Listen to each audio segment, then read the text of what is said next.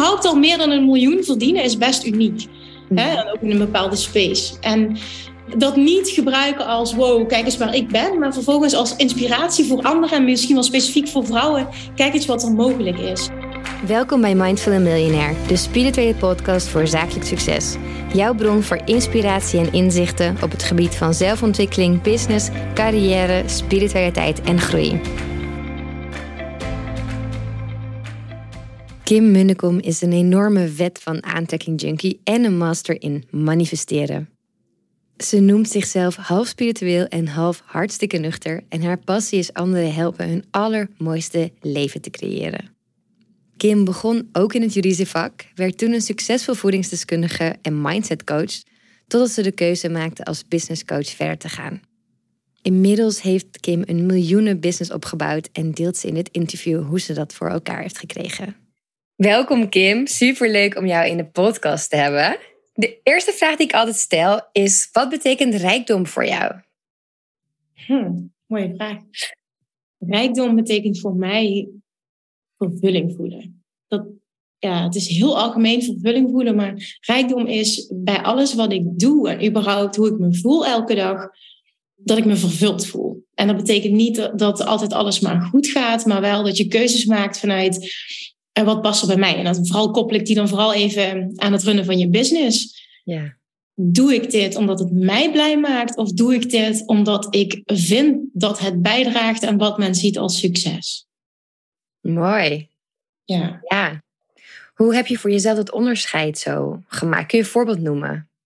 Ja, ehm, nou, ik heb ehm, jarenlang mijn business gerund vanuit heel erg vanuit de energie van moeten, vanuit heel erg hard werken en hasselen. En op dat moment was dat oké, want dat was, dat was oké voor dat moment. Maar er kwam ook een punt dat ik daar helemaal klaar mee was en ook zag hoe ik mezelf vasthield door het op die manier te doen en mijn eigen groei blokkeerde. En vooral niet, niet um, mijn verlangens ultiem realiseerde. En dat zat hem in verschillende dingen. Ik wilde uit het, het één op één werken, het uurtje factuurtje, dat daar wilde ik uitbreken, maar ook uh, meer locatie onafhankelijk, dat allemaal. En ik heb dus ervaren wat het met je doet, waar geen oordeel op zit, maar het verschil tussen echt je helemaal kapot werken en dingen vanuit die energie doen, vanuit, hè, dan, dan word ik voor de buitenwereld, word ik, word ik, ja, word ik gezien als iemand die het goed doet, want die werkt keihard. En heel vaak is dat ook wel wat gekoppeld wordt aan succes. Iemand die het druk heeft en die heel hard werkt. En um, dat, dat is ook mijn eigen koppeling uh, aan succes. En door daaruit te stappen was onder andere een burn-out voor nodig. En het helemaal anders te gaan doen. En echt, echt mezelf af te vragen: oké, en wat is dan voor mij succes? En hoe kan ik dat realiseren? Hoe kan ik een, een bedrijf creëren dat dat faciliteert in plaats van andersom? Dat is het gewoon. Dus ik ken allebei die energieën. En ja. daarom vind ik het zo belangrijk om het nu voor mezelf in ieder geval vanuit die andere energie te doen. Ja, heel mooi. Hoe, hoe maak je die switch? Want ik kan me voorstellen het is niet in zo van aan of uit, van nu ben je altijd. Hmm. Ik denk dat we allemaal wel eens weer in dat hard werken, dat trekken, zo, zo die valkuil stappen. Hoe maak jij die switch weer terug als je merkt dat je toch weer in die oude, ja. ja meer mannelijke energie stapt? Ja. ja, ik denk niet dat er iets mis mee is, want ik denk wel dat het goed is en dat het je dient en dat het vooral dus gaat om die balans. Maar ik merk het aan hoe ik me voel, hoe het met mijn energie gaat. Ik ben vermoeid. Ik heb het gevoel dat ik het heel druk heb, dat ik geleefd mm. word. Ik, ik zit gewoon niet ultiem lekker in mijn energie. En ik merk heel erg, als je gelooft in, in de werking van de wet van aantrekking, dingen verlopen niet meer moeiteloos. Mm. En als dat het geval is, weet ik dat ik in een foute energie zit. En dat het me juist goed gaat doen om op dat moment wat meer achterover te gaan leunen. En ook naar zelf andere content te gaan luisteren. Dus andere dingen te consumeren, waardoor ik in een andere energie kom. ja. ja. Ja, mooi. Ja, want je noemt jezelf een wet van aantrekkingskracht junkie. Vond ik heel mooi. Ja. Hoe, ja. Uh, hoe gebruik je de wet van aantrekking voor je business? Ja, dat uitzicht dus heel erg in. Ik geloof heel erg in als je de keuzes maakt die voor jou goed voelen, die bij jou passen. En dan heb ik het niet alleen over. En dit een groot onderscheid, een belangrijk onderscheid is om te maken. Soms passen dingen bij je, maar zijn ze nog steeds eng en uit je comfortzone. Hmm. Dus niet altijd per definitie, omdat ik de term benoem, iets wat goed voelt. Soms weet je diep van binnen, dit draagt bij, deze stap draagt bij aan het, aan het realiseren van mijn verlangen, maar het is wel nieuw en het is eng. En dan voelt het op dat moment niet 100% goed, maar je weet wel dat het bijdraagt aan het verlangen en het verlangen voelt wel goed. Dus op die manier gebruik ik de wet van aantrekking altijd. Past dit bij mij? Is dit mijn pad? En ik kan heel goed het onderscheid voelen tussen dit is echt niet voor mij of ik vind het spannend, maar het draagt wel bij aan het realiseren van mijn verlangen. Ja, ja dat is denk ik wel een valkuil waar mensen snel zo invallen van ja, wet van aantrekking, dan moet het allemaal in flow gaan, moet het allemaal makkelijk zijn. Maar ja, dat is onmogelijk, denk ik, als je wilt groeien. Ja, dat geloof ik dus ook. Ja, ik geloof ook dat het heel erg zit in jezelf uitdagen. In die zin, alles wat nieuw is, voelt in het begin oncomfortabel. Dat is logisch. En dat wil niet zeggen dat het niet goed voor je is, of dat het niet je pad is. En ik denk dat het inderdaad, wat jij zegt, te makkelijk vaak is dat mensen het daarop willen gooien. Ja, maar ja, het is niet, het is niet flow op dat moment. Ja, ja, ja weet je zo. Dat, maar dat is dat verschil tussen alleen maar vrouwelijk en alleen maar het heel erg tussen haakjes even zweverig maken gaat je ook niet dat opleveren wat je wil. Het is echt die combinatie en jij moet voelen, waar doe ik het goed op? Ja, precies. Ik ben wel benieuwd. Wat is nou het gekste, het coolste dat je ooit hebt gemanifesteerd? Voor je business of iets waar je denkt, oh, dat heb ik echt zo, zo keihard gemanifesteerd. Ja, dat is toch wel het eerste wat in me opkomt, is het huis waar we nu wonen. Dat is, ja, hoe ging dat? Ja, vorig jaar in dus mei 2021 hebben wij dit huis gekocht. En ik wilde al vier jaar. Ik heb altijd, ik ben een hele tijd alleen geweest. En toen heb ik, uh, leefde ik woning in een appartement aan het water. En aan het water wonen is gewoon altijd mijn droom geweest. Ik woonde daar, het was een huurappartement. Ik wist ook van, god, daar gaat mijn toekomst niet zijn. Maar ik zat daar wel heel op mijn plek. Toen kreeg ik een relatie. En hij had een, een koopwoning. En uiteindelijk hebben we de keuze gemaakt om ik te verhuizen, dus bij hem in te trekken. Maar dat was niet een huis en een plek waar ik wist, dit gaat mijn ding zijn. Dus we hebben toen op dat moment gezegd, oké, ik trek bij jou in, maar we gaan wel op zoek naar een huis aan het water. Had hij aan het water. toegestemd aan het water. We zijn vervolgens vier jaar op zoek geweest naar een huis aan het water. En nu kun je denken, ja, moet jij zo goed bij manifesteren, waarom heeft het dan vier jaar geduurd? dat ik mezelf heel erg in de weg heb gezeten in dat proces. Omdat hij niet weg wilde, in dit geval uit Maastricht. En ik juist wel weg wilde en heel graag rustiger, dus meer landelijker wilde gaan wonen. En we kwamen er gewoon niet uit. En heel lang zag ik het gewoon niet gebeuren. Waardoor je dus op het moment dat je het niet echt kunt voelen, kunt verwachten, kun je het ook niet aantrekken. Want ik zond dus een, ja, een, een, zou ik dat zeggen, een wisselende energie uit. Het was niet die energie van verwachting die nodig is om het, om het te manifesteren. En toen kwam er een bepaald punt, ik weet niet meer precies wanneer dat was, maar er kwam een, een shift in dat ik dacht van oké, hoe dan ook, ik ga in dat huis wonen. En ik vertrouw erop dat het met hem is. En mocht het niet met hem zijn, dan, dan komt er iets, ja, dat klinkt zo stom, maar er komt altijd iets op mijn pad wat voor mijn hoogste goed is. Dus ik ging me echt focussen op, oké, ik heb niet een ander nodig om mijn dromen te realiseren. Dat is in de kern natuurlijk ook hoe het is. Alleen als je een fijne relatie hebt, wil jij partner meegaat. Dus het was best een lastige. Maar toen ik dat heb gedaan, toen was die tekortenergie als het ware, dat is hoe ik het meestal verwoord, die viel weg. Hmm. En op dat moment heb ik vervolgens ook vrij snel inspired action ondernomen door op een bepaalde plek waar wij ons allebei wel goed voelden, ben ik briefjes in de bus gaan, gaan doen van oké, dit zijn huizen waar ik wil wonen. Ja. Er waren er twaalf aan het water. En van die twaalf kreeg ik van drie een reactie dat ze een huis wilden verkopen. Oh, wauw. Ja, dat was heel interessant überhaupt, dat dat zo werkt. Ja. En daar zijn we dus eh, bezichtigingen aan alles. We zijn daar naartoe gegaan, gesprekken gehad. Het was het allemaal niet, maar je zat wel in die energie van het kan. Je doet iets, ja. Ja, het heel positief. En toen kwam er op de dag dat ons zoontje geboren is, kwam, nou, ik dacht, mijn droomhuis op ons pad. Dus ik daar als een, nou ja, als een gek op gaan zitten. En um, vervolgens het eerste telefoontje van de makelaar gemist omdat ik net bevallen was was er geen plek meer voor een bezichtiging. Nou, achteraf met veel gelul en allerlei getouwtrek toch kunnen realiseren. En op dat moment waren wij uiteindelijk niet het hoogste bod, we waren het tweede hoogste bod. Dat huis ging aan onze neus voorbij. En ik was helemaal devastated. Ik was kapot. Ja. Ook hormonen waarschijnlijk, maar ik was helemaal kapot van. En vervolgens, toen, dat, toen ik even die emoties had verwerkt, toen vrij snel daarna dacht ik, oké, hoe gaan we dat nu doen? Ik ga gewoon nog een keer de stoute schoenen aantrekken. Waren een paar maanden verder. Ik ga nog een keer briefjes in de bus gooien. En ik had dus ook een speciale brief gemaakt voor dat huis, wat we niet meer konden krijgen. Oh ja. En zij reageerde. En we zijn daar gaan kijken. En toen, het eerste wat zij zeiden, toen, het was wat ik zeg, je hebt het huis net gekocht. Waarom wil je het nu verkopen? Ja. Oké, okay, er zat een reden achter dat het voor hun commercieel, daar wil ik vaak ook niet te veel in de detail maar dat was wat het was.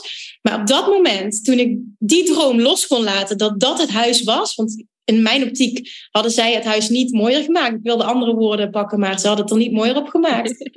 En ik denk binnen een week kwam het huis dit huis kwam op Funda uiteindelijk. ben daar op, op afgevlogen. En we hebben in, in die gekte van de huizenmarkt het voor zo'n goede prijs kunnen krijgen. Dat het echt gewoon. Ik had ook uitgezet: dit is wat ik ervoor wil betalen. En dit is wat ik, wat ik wil krijgen, zeg maar. Ja. Exact geworden wat wow. Dat voelde gewoon echt als een manifestatie met ups en downs, maar wel ja. eindelijk de shift in energie wat dit creëert. Eindelijk. En inderdaad, dat dat ene huis dan ook zo moeilijk. Als het zo moeilijk gaat, dan, dan weet je soms wel, ah, nee, dat stroomt, dat stroomt dan echt niet. Of zo. Ja, maar het was wel nodig om die vergelijking te hebben dat dit ultiem goed voelde. Dus het klinkt zo stom. Want soms heb je dus die dingen ook wel echt nodig om te voelen wat wil je dan wel. Ja, wat mooi. Wat cool. Ja, het was gewoon een persoonlijke droom van mij als laatste, zeg maar. Ik wilde dat huis aan het water en dan voelde het als ja, compleet of zo. Het klinkt zo stom. Uiteindelijk heb je toch wel weer nieuwe verlangens. Maar dat was eigenlijk het laatste ding wat ik echt heel graag wilde. Dacht, vorig jaar gelukt, ja. Dan zit je ook rustig inderdaad. Ja. Ja. Ja, ik denk dat jij er alles van weet als je zei ik ga verhuizen. ja. Maar ik herken dat heel erg, dat je dat samen met iemand doet. Op een gegeven moment bij mijn vriend en ik ook heel lang aan het zoeken. En toen zei hij, ik kon maar niks vinden. Hij zei, oh ja, maar ik manifesteer een dakterras en jij een tuin. Geen wonder dat het niet lukt. Ik zei, nee schatje, wel fijn dat je het woord manifesteren gebruikt. Maar inderdaad, dit gaat dus niet worden. Maar nu hebben we toch een mooie... Ja, uiteindelijk kom je wel tot elkaar. Op het moment dat je allebei dezelfde intentie hebt. Ik denk dat je het zo kunt zien. Ja, um, want over intenties gesproken... Wat is je zakelijke droom? Je hebt al zoveel bereikt en inderdaad, het gaat gemakkelijk, zeg je. Je hebt je droomhuis. Wat, wat Welke intentie heb je nog op zakelijk gebied? Ja, dat is een mooie vraag. Die vraag die kwam laatst ter sprake ook in een teammeeting. Toen mij de vraag werd gesteld, een samenwerking die ik ben aangegaan, er werd mij de vraag gesteld.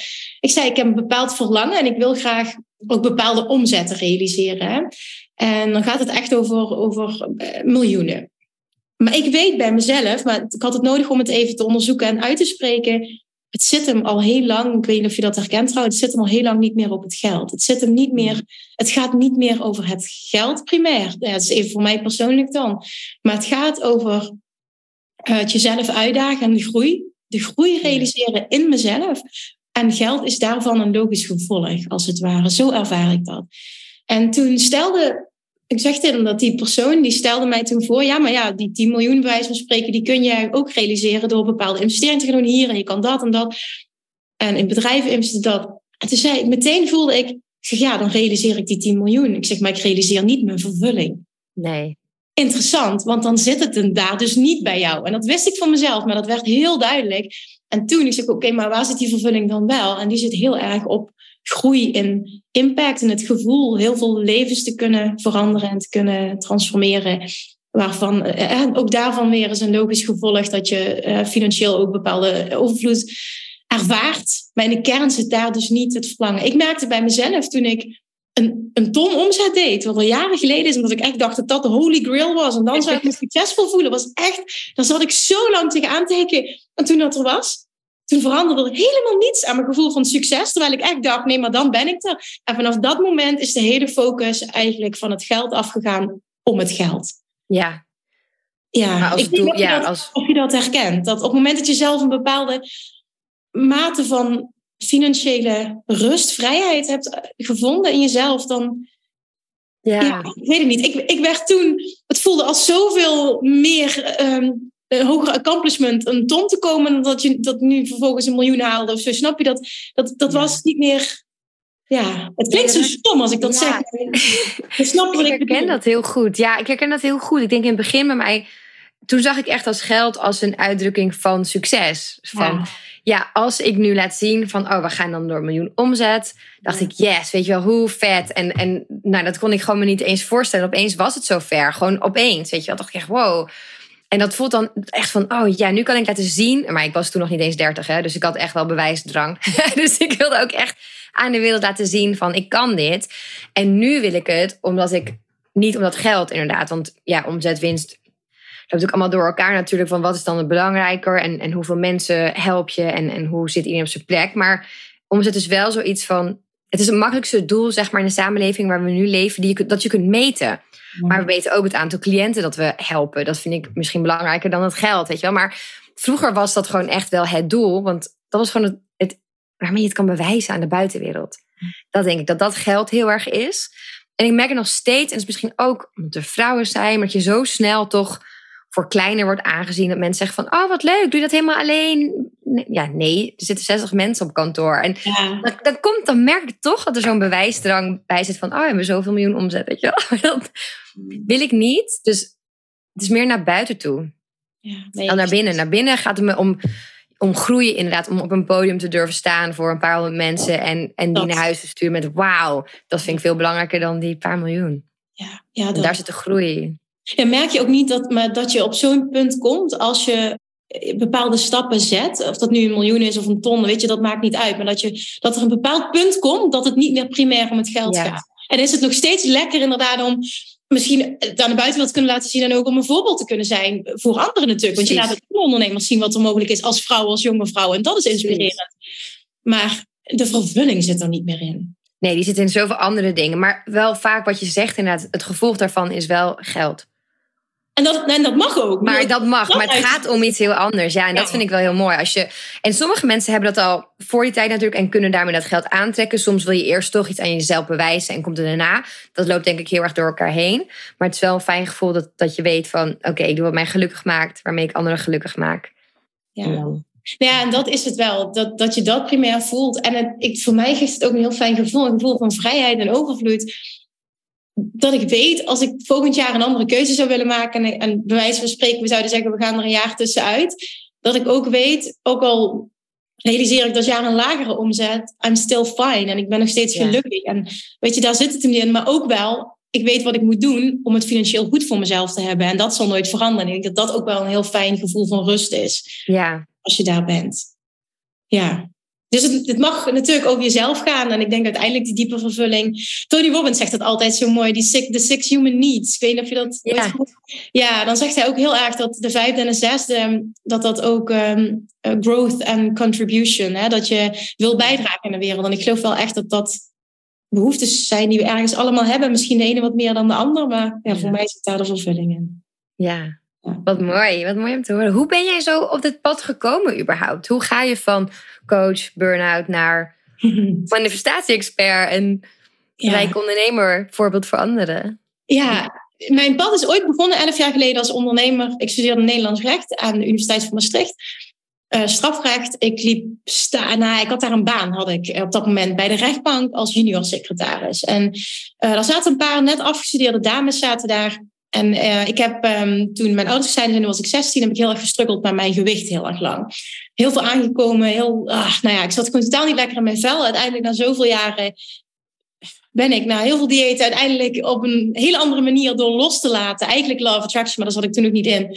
10 kilo afgevallen en gewoon super easy. En toen was ik op kantoor, ik had die baan. En toen kwam er een dame naar mij toe op een dag en die zei... Oh, ik jou wat vragen, zo heel voorzichtig. Ik zei, ja, jij eet de hele dag. Maar je ziet er zo uit. Waar laat jij dat? Ik ben keihard gelachen. Ik zeg, oh, maar dat is grappig. Ik zeg, ik ben een tijd geleden heb 10 kilo afgevallen en daar mijn eigen methode ontwikkeld. Dus hij was super interessant. Kun je mij dat leren? Dus ik dacht, uh, ja, als je wil. Dus kom maar bij me zitten. Nou, ik hielp haar. Ze ging heel enthousiast de deur uit. En een week later ongeveer komt daar zijn tweede collega. Uh, wat jij dan met die hebt gedaan, met mij doen. Ze ging dat. En toen kwam er een derde. Nou, toen kwam die eerste dame kwam terug. Dat zal, ja, ik weet het niet, een paar weken, een paar maanden, ik weet het niet meer precies. Ze kwam terug. Ze boekte en resultaat, maar ze was ook ontzettend enthousiast. Ze komt met haar kont op mijn bureau zitten, op die rechtbank. En ze zegt tegen mij, Kim, je bent hier zo... Ik zie het aan je, je bent hier totaal niet gelukkig. En je bent hier heel goed in. Dat heb je volgens mij zelf niet in de gaten, maar je bent hier heel goed in. Waarom ga je daar niks mee doen? Ik was op dat moment 25. En ik reed naar huis toe, het was ongeveer drie kwartier rijden. En ik dacht alleen maar, nou, niets, wat heb ik te verliezen? Het triggerde zo enorm, want ik had ook niets te verliezen. Ik had geen relatie, ik had geen kinderen, ik had geen zorgen. Weet je, het, ik had niets te verliezen. Behalve natuurlijk bepaalde financiële zekerheid. Maar ja, ik stond er ook zo in. Ik vind alweer een andere baan. Toen heb ik ontslag genomen. Binnen twee weken was ik weg. En toen ben ik een opleiding gaan volgen uh, als voedingsdeskundige. En ik ben gaan werken als, eerst bij de Veromode als verkoopster om wat basisinkomsten te hebben. En vervolgens als tennislerares. Maar in ieder geval, de stap was gezet. Ik startte een opleiding en een paar maanden later kwam er een vacature in de, na, was daar een advertentie in de krant voor een nieuw gezondheidscentrum dat geopend werd in de plek waar ik woonde. Ik reageerde daarop, heb me daar doorheen gebluft, maar in ieder geval, ik mocht daar een kamer huren. Ja, ik heb allemaal dingen gezegd die ik zou hebben, die ik niet had. Dat is helemaal niet zo netjes eigenlijk. Maar goed, Ik mocht daar een kamer huren. Dat was meer uh, future pacing. Ik wist dat ik dat ging halen. Dus oké, okay, kamer huren. Een paar maanden later was daar de start. En toen ging ik daar zitten. En toen weet ik nog de eerste dag dat ik naar kantoor ging. Echt in mijn auto, in mijn pakje. Dat ik echt dacht, nu gaat het beginnen. En toen kwam ik aan in mijn werkkamer. En ik ging voor mijn bureau, ja, op achter mijn bureau zitten voor de laptop. En toen kwam het zo hard binnen dat ik dacht, fuck, hoe kom ik überhaupt aan klanten? Toen heb ik daar een potje lopen brullen. En vanuit angst echt gedacht, ik had een huurcontract getekend voor twee jaar. Ik dacht oh, echt, gedaan? Ja, serieus. All in. Echt, wat heb ik gedaan? Ik was all in. En nou ja, toen heb ik huilend mijn moeder opgebeld. Uiteindelijk zei zij, als je A zegt, kun je ook B zeggen. Dus ik oh, top man, dank je. En toen ben ik begonnen. En toen met logisch nadenken, nou in ieder geval om lang vooral kort te maken, ben ik begonnen met logisch nadenken. Oké, ik moet gewoon zorgen dat zoveel mogelijk mensen me leren kennen. Heel veel dingen gratis gedaan. Dat ging groeien, groeien, groeien. Zes jaar later uh, merkte ik, het gaat zo goed. Ik draaide al lang meer dan fulltime. Ik had al lang mijn baan in loondienst opgezet opgezegd. Maar het was ook, ik werkte me dus helemaal kapot. Echt letterlijk. Elke dag van 9 tot 9, inclusief zaterdagen en een weekenden maakte ik facturen en dat allemaal. Dus het was gewoon niet meer leuk. Zes van de zeven dagen knallende koppijn of hoofdpijn. En nou ja, goed, ik voelde me niet meer vervuld. En toen ben ik op vakantie gegaan in 2016. En ik wist dat ik wat anders wilde. Heel, ik wilde heel graag van offline naar online. Dat was mijn verlangen. Om ook Nederland breed mensen te kunnen bereiken. Het kwam er een advertentie voorbij op Facebook. Voor een online programma. Dat ben ik toen aangegaan. En uh, een maand later kon ik starten. En toen heb ik helemaal alles omgegooid. Toen ben ik wel blijven werken. Stagiair aangenomen die al mijn één op één klanten ging overnemen op dat moment. Ik was met die opleiding bezig ja, en toen een paar maanden later kwam ik in een burn-out terecht, omdat het allemaal toch net wat te veel was. Maar die burn-out ja. was echt een geschenk uit de hemel. Want dat was nodig, omdat ik werd gedwongen om toen abrupt alles los te laten wat me niet meer diende. En dat ja. ik niet. Dus toen heb ik, uh, dus, dus nou, stagiaire, degene die bij mij stage liep, was mijn moeder. Komt ze weer. um, ja, heel mooi verhaal is dat. En die belde mij toen op en ze zegt, Kim, zal ik het overnemen? Ik zeg, durf je dat? Ja, het zal wel moeten, hè, zegt ze. Ik denk, nou ja, ja. moet het een groot woord, maar je zou me er wel heel erg mee helpen. Wel fijn zijn. gedaan. En ze heeft alles overgenomen. En uh, dat gaf mij eigenlijk uh, ja, een blanco kan, dat is eigenlijk een blank canvas, hè? blank sheet om weer alles te gaan ontwerpen. Maar oké, okay, wat wil ik dan doen en wat wil ik nu? Ja. En toen ben ik opnieuw begonnen. Dat was eigenlijk met logisch nadenken. Ik was helemaal niet technisch ook niet. Dus ik ben gewoon zonder pushpas een, een community op Facebook begonnen. Daar vroeg ik een bedrag van 27 euro per maand voor. Dat was echt heel laag. Maar daar stapten mensen in. En het feit dat ik dacht, wow, ik kan nu alles wat ik één op één deed, kan ik nu in één keer doen. Überhaupt dat dat kon en dat het gebeurde. En ik leefde in die wereld. Dat, dat bracht zo ontzettend veel.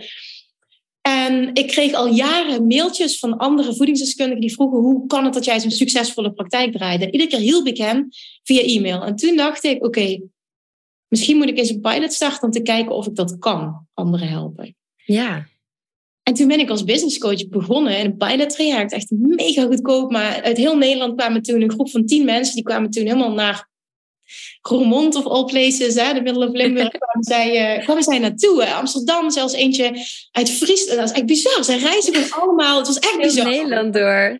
Om dat te ervaren. Ja, dat was zo'n succes. Want acht van de tien dames waren enkel voedingsdeskundigen. Hebben toen na drie, vier maanden van het traject hebben ze een baan opgezegd. Omdat hun praktijk zo goed liep. En toen kreeg ik terug je bent hier echt goed in. En ik dacht, holy shit, dit is zoveel leuker dan het werk wat ik al die jaren gedaan heb. Het voelt voor mij als groei. En toen ben ik die kant op gegaan. En datzelfde jaar ben ik alleen naar Bali gegaan op reis, van oktober tot en met december. Oh, heerlijk. Ja, nou ja, en dat was transformerend. Want dat was mijn allergrootste verlangen al tien jaar. En dat kon, kon toen. En ik vond het ook doodeng. Um, maar ik moest dat gewoon doen. Maar wat er toen is gebeurd, toen omdat je iets doet wat je zo eng vindt. Ik weet niet of je ooit zoiets hebt gedaan, I don't know. En sommigen vinden het helemaal niet eng, maar ik vond het doodeng. Maar door dat te doorbreken en daar dan te ervaren hoe fantastisch dat het is en hoezeer je op jezelf kunt vertrouwen. Ja. Dat was next level self-love voor mij. Ik heb me daar zo sterk gevoeld. Maandenlang tegen niemand gepraat. Ik was helemaal in mijn eigen bubbel. Ik vond dat zo fijn. Ja, en daar kwam ik toen van terug. En toen kwam ik eigenlijk in een zwart gat dat ik dacht, oké, ik ga niet meer uh, alleen maar business coach zijn vanuit strategie, want er is zoveel meer. Ja, en toen kwam de wet van aantrekking op mijn pad. En toen ben ik daarin gedoken en dingen in de praktijk gaan brengen. En toen heb ik dat gedeeld op social media en toen kreeg ik zoveel vragen van, wauw, wat maak jij een transformatie door? Wil je mij dit leren? En toen ben ik een traject gestart voor ondernemers vanuit de wet van aantrekking. En dat is zo gegroeid. En ja, nou ja, goed. Dat is, sindsdien is dat gewoon niet meer weg te denken uit mijn leven en business. Heel tof. En eigenlijk ook heel veel toevalligheden waar, waarop je gewoon ja hebt gezegd. Dat mensen gewoon iets opmerken misschien in jou en dan gewoon meegaan. Ik vind dat wel heel mooi. Ik denk gewoon dat je heel goed weet wanneer iets goed voelt en wanneer iets niet mhm. goed voelt. En het is uiteindelijk durf je ja te zeggen tegen datgene wat goed voelt. Want ja, Dus, ik heb wel mijn baan opgezegd. Heel ja, en dat is wel spannend. Dat er, ja, wat jij zei, ik was nog niet eens 30. En toen had ik al een miljoen en zoveel mensen onder me werken. Hoe is dat ooit ontstaan? Ook met mijn moeder. Ja? Grappig. Ja, mijn moeder en ik zijn samen opgegroeid zeg maar, met z'n tweetjes. En zij is toen ik jonger was rechten gaan studeren. En toen ging ze voor een advocaat werken. En na een tijdje wilde ze voor zichzelf, om het, ja, om het minder om het geld te laten gaan en meer om de mensen. En toen heb ik haar geholpen eigenlijk met het opstarten daarvan. En ik, ik werkte ook altijd al voor haar. En toen studeerde ik nog. En toen ik klaar was met studeren, toen ging dat best wel lekker bij haar. En ze had twee, drie ZZP'ers ook. Maar zij wilde helemaal geen groot bedrijf. Dus het was ook wel mooi eigenlijk. Maar toen ben ik erbij gekomen. En toen heb ik het overgenomen met als doel om het echt groot te maken. En dat uh, was acht jaar geleden, denk ik. Wauw. Het is ook heel organisch gegaan. Want jij voelde dat het wel jouw pad was. Ja, ik wilde echt wel ondernemen. Ik, wilde, ik wist gewoon niet zo goed wat ik wilde na mijn studie. Ik wist wel dat ik niet door wilde in wat ik deed. Het was best wel ja, conflictstudies, dus heel zwaar. En ik, ik kon, dat, ik kon dat, dat helemaal niet uh, handelen. En iets anders bij Zuidas dacht ik dan, weet je, zo'n consultancy. Maar toen dacht ik, ja, ik vind bedrijven en dat groeien heel leuk. En toen dacht ik opeens, wacht eens, ik kan ook dit bedrijf laten groeien. Maar dat is van mezelf, dat is veel leuker. Ja. Ja, maar ik vond het ook spannend, want je zegt wel van oké, okay, nou, Zuidas, dan heb je een soort van status natuurlijk. Van oh, en dat zeg je dan allemaal zo. Nee, ik ga het zelf doen. En toen was er ook nog niet zo heel veel. Maar ik had wel vertrouwen van, ja, ik kan het echt groot. En dat je dit niet zegt, want dit is iets wat heel herkenbaar is. Wat veel, denk ik, succesvolle ondernemers uitspreken. Een vertrouwen. Waar komt het mhm. vertrouwen vandaan? Geen idee, want ik was ook best onzeker verder. Het was echt heel diep heel diep in mij. Ik zei ook altijd van, we gaan het grootste kantoor worden. Ik heb ook een vet groot kantoor gehuurd in Amsterdam. De mensen echt zeiden, je bent gek, je zit hier met een paar mensen. Ik zei, nee joh, wacht maar. En terwijl ik verder was ik echt niet, niet mega zelfverzekerd. Maar ik wist gewoon dat ik dit heel leuk vond en heel graag wilde doen. En toen ben ik er vol voor vergaan. Maar net als jij kwam het heel erg uit die mannelijke energie. Dus heel hard werken. En nou, ik had gewoon heel erg de overtuiging, ik moet hard werken. Anders kan ik niet succesvol zijn. Dus ja, dan manifesteer je vanzelf werkweken van 100 eh, uur. Totdat je inzicht krijgt, hoeft niet. Ja, maar is daar een ziekte voor nodig geweest of iets? Wat is die wake-up call geweest? Nee, ik, ik was wel vaak ziek. En mensen om me heen zeiden ook van... joh, misschien moet je het iets rustig aandoen. Maar ik kon dat gewoon niet. En ik stond denk ik wel op het punt van omvallen... toen ik naar Burning Man ging met een vriendinnetje. En daar oh, zit je ook een week, tien dagen zonder telefoon. Ik moest loslaten en vertrouwen. En ik kon niet meer alles kopen, zelf regelen, doen. Ik moest echt. Ja, ik was niet meer zo uh, onafhankelijk. dat was echt even een breakdown. Maar dat was wel het begin van een nieuwe start voor mij. Wauw, oké, tof. oh, wat gaaf. Dus dan toen was het relatief makkelijk om uit die rat race te stappen. Dan, ja, ik denk, ik denk dat je zo... Kijk, heel veel mensen hebben daar een burn-out voor nodig. Of, of inderdaad naar Bali. Of een reis. Of een weet je, zo'n uh, zo'n zo'n pad lopen van de vakantie. Alleen ik denk dat je gewoon los moet zijn, even uit je vertrouwde omgeving, om even... Die om de bigger picture te kunnen zien. Ja. Te zien wat de fuck ben ik aan het doen. Precies dat. Ja. En waar word ik gelukkig van? Ja. En het is makkelijker vaak als je nog geen gezin hebt om voor te zorgen. En dat zijn alle factoren die meespelen. Maar aan de andere kant moet het ook geen excuus zijn om niet je allermooiste leven achterna te gaan. Dat is nee. gewoon. Ik heb het ook ervaren dat het makkelijk is als je van niemand afhankelijk bent. En dat zul je ook hebben ervaren omdat je jong bent, was bent. Maar laat het geen excuus zijn. nee. We zitten al een beetje in die fase, maar wat is, jouw, wat is jouw advies voor mensen die denken van... Ja, mijn leven is een zesje, hoe krijg ik het een negen? Of zelfs misschien een vijf of een vier? Ja. En vooral het zakelijk. Want ik denk dat heel veel mensen, ook vooral die er naar luisteren, zakelijk we zijn gewoon niet altijd gelukkig. Dat is ook, uh, dat is ook oké. maar wat kun je doen om toch weer echt dat geluk te vinden in je werkleven? Ja. ja, ik denk jezelf, dat is mij heel erg geholpen altijd. En nu nog steeds. Jezelf de juiste vragen stellen op dat moment. En één vraag die mij altijd helpt om de juiste keuze te maken is: wat zou ik doen als ik zeker wist dat het zou lukken? Hmm. Want heel vaak, en praat ik even puur voor mezelf, maar maakte ik keuzes vanuit angst. Dus ik had een bepaald verlangen, maar ik durfde niet voor dat verlangen te gaan. En ik, ik ging maar voor een andere keuze, omdat ik dacht, dit ga ik toch niet behalen. Maar als je echt gaat ondernemen en leven vanuit, oké, wat zou ik doen als ik 100% zeker wist dat het zou lukken? En dan zegt de wet van aantrekking weer, je kan een verlangen niet hebben als je het niet kunt bereiken, als je het niet kunt realiseren. Dat is dan voor mij ook alweer een waarheid geworden waar ik mezelf aan moet herinneren op zo'n moment. Maar die vraag, die die geeft je, laat je zien wat je eigenlijk echt wil. Want diep van binnen wil, weet je donders goed wat je echt wil. Er zijn heel veel mensen die dat wel zeggen van ik weet het niet, ik weet niet wat een missie is. Maar ik denk echt dat je jezelf dan gewoon niet de toestemming geeft om volledig grenzeloos zonder beperkingen te dromen. Ja. En gun het jezelf om daar te komen. Heel mooi. Ja, absoluut. Absoluut. En nog één tip ben ik benieuwd naar of je die voor ons hebt. Want je zei, ja, toen ging je beginnen met online ondernemen. En dan zat je daar van, hoe, wat ga ik doen? Maar ik ging even, je noemde het, ik ga even logisch nadenken. En toen kwam er wel wat. Maar wat, wat was dat logisch nadenken voor jou? Wat ben je gaan doen? Nou ja, dat logisch nadenken zat in het begin heel erg toen ik überhaupt als ondernemer begon. Want ik wist niet hoe dat werkte, klanten aantrekken, markten, whatever. Ik had er nog nooit iets gedaan. Maar het logisch nadenken, toen ben ik begonnen. Ik zat daar lokaal en ik dacht alleen maar, ja, als iedereen in de buurt me kent, dan geloof ik wel de klanten krijg. Ben ik twee dingen gaan doen. Ik ben allerlei zorgverleners in de buurt gaan benaderen en vragen of ze een, ehm, ehm, een gesprek aan wilden gaan of ik gratis voor hun een presentatie mocht geven voor hun klanten. En ik ben via zo'n Groupon-actie, zeg maar, een eh, bepaalde deal gaan doen. Puur, niet voor het geld, maar puur voor awareness. Dat is voor mij logisch nadenken, maar dat is wel mijn business geskyrocket. Dus dat zijn twee dingen waarvan ik toen lokaal dacht: oké, dit moet ik doen zonder dat het me iets kost, zonder geld uit te geven. Kan ik wel veel mensen bereiken. En uiteindelijk moet ik laten zien dat ik iemand kan helpen. En via mond-mondreclame is het vervolgens gegroeid. Dat was het. En online was het gewoon een kwestie van: oké, ik heb jarenlang iets gedaan. Ik weet welke kennis ik heb. Hoe kan ik die gaan bundelen zodat ik meer mensen kan helpen? En ik was niet technisch. Ik had geen groot budget om te investeren. Dus voor mij was de eerste logische stap een membership op Facebook. Ja, het was uber simpel, maar het was wel even de start die nodig was om. Ja. En ik denk heel vaak dat ondernemers, zeker startende ondernemers, het zich te moeilijk maken door te denken in ik moet dit, ik moet die investering, het moet hmm. allemaal perfect. Maar je hebt heel weinig nodig om te kunnen starten, zeker in deze online nou ja, in dit online tijdperk waar alles gratis kan qua klanten aantrekken in principe. En het niet allemaal zo moeilijk hoeft. Nee. nee. nee. Dus sta jezelf toe om simpel te denken. Mooi. Vind ik heel mooi. In het simpel beginnen. Gewoon gaan. Ja, Goed, dat is het. Gewoon gaan. Maar uiteindelijk moet je toch testen wat jouw pad is. Precies, ja. Heel vet. Als allerlaatste, is er nog iets dat je met ons wilt delen vandaag?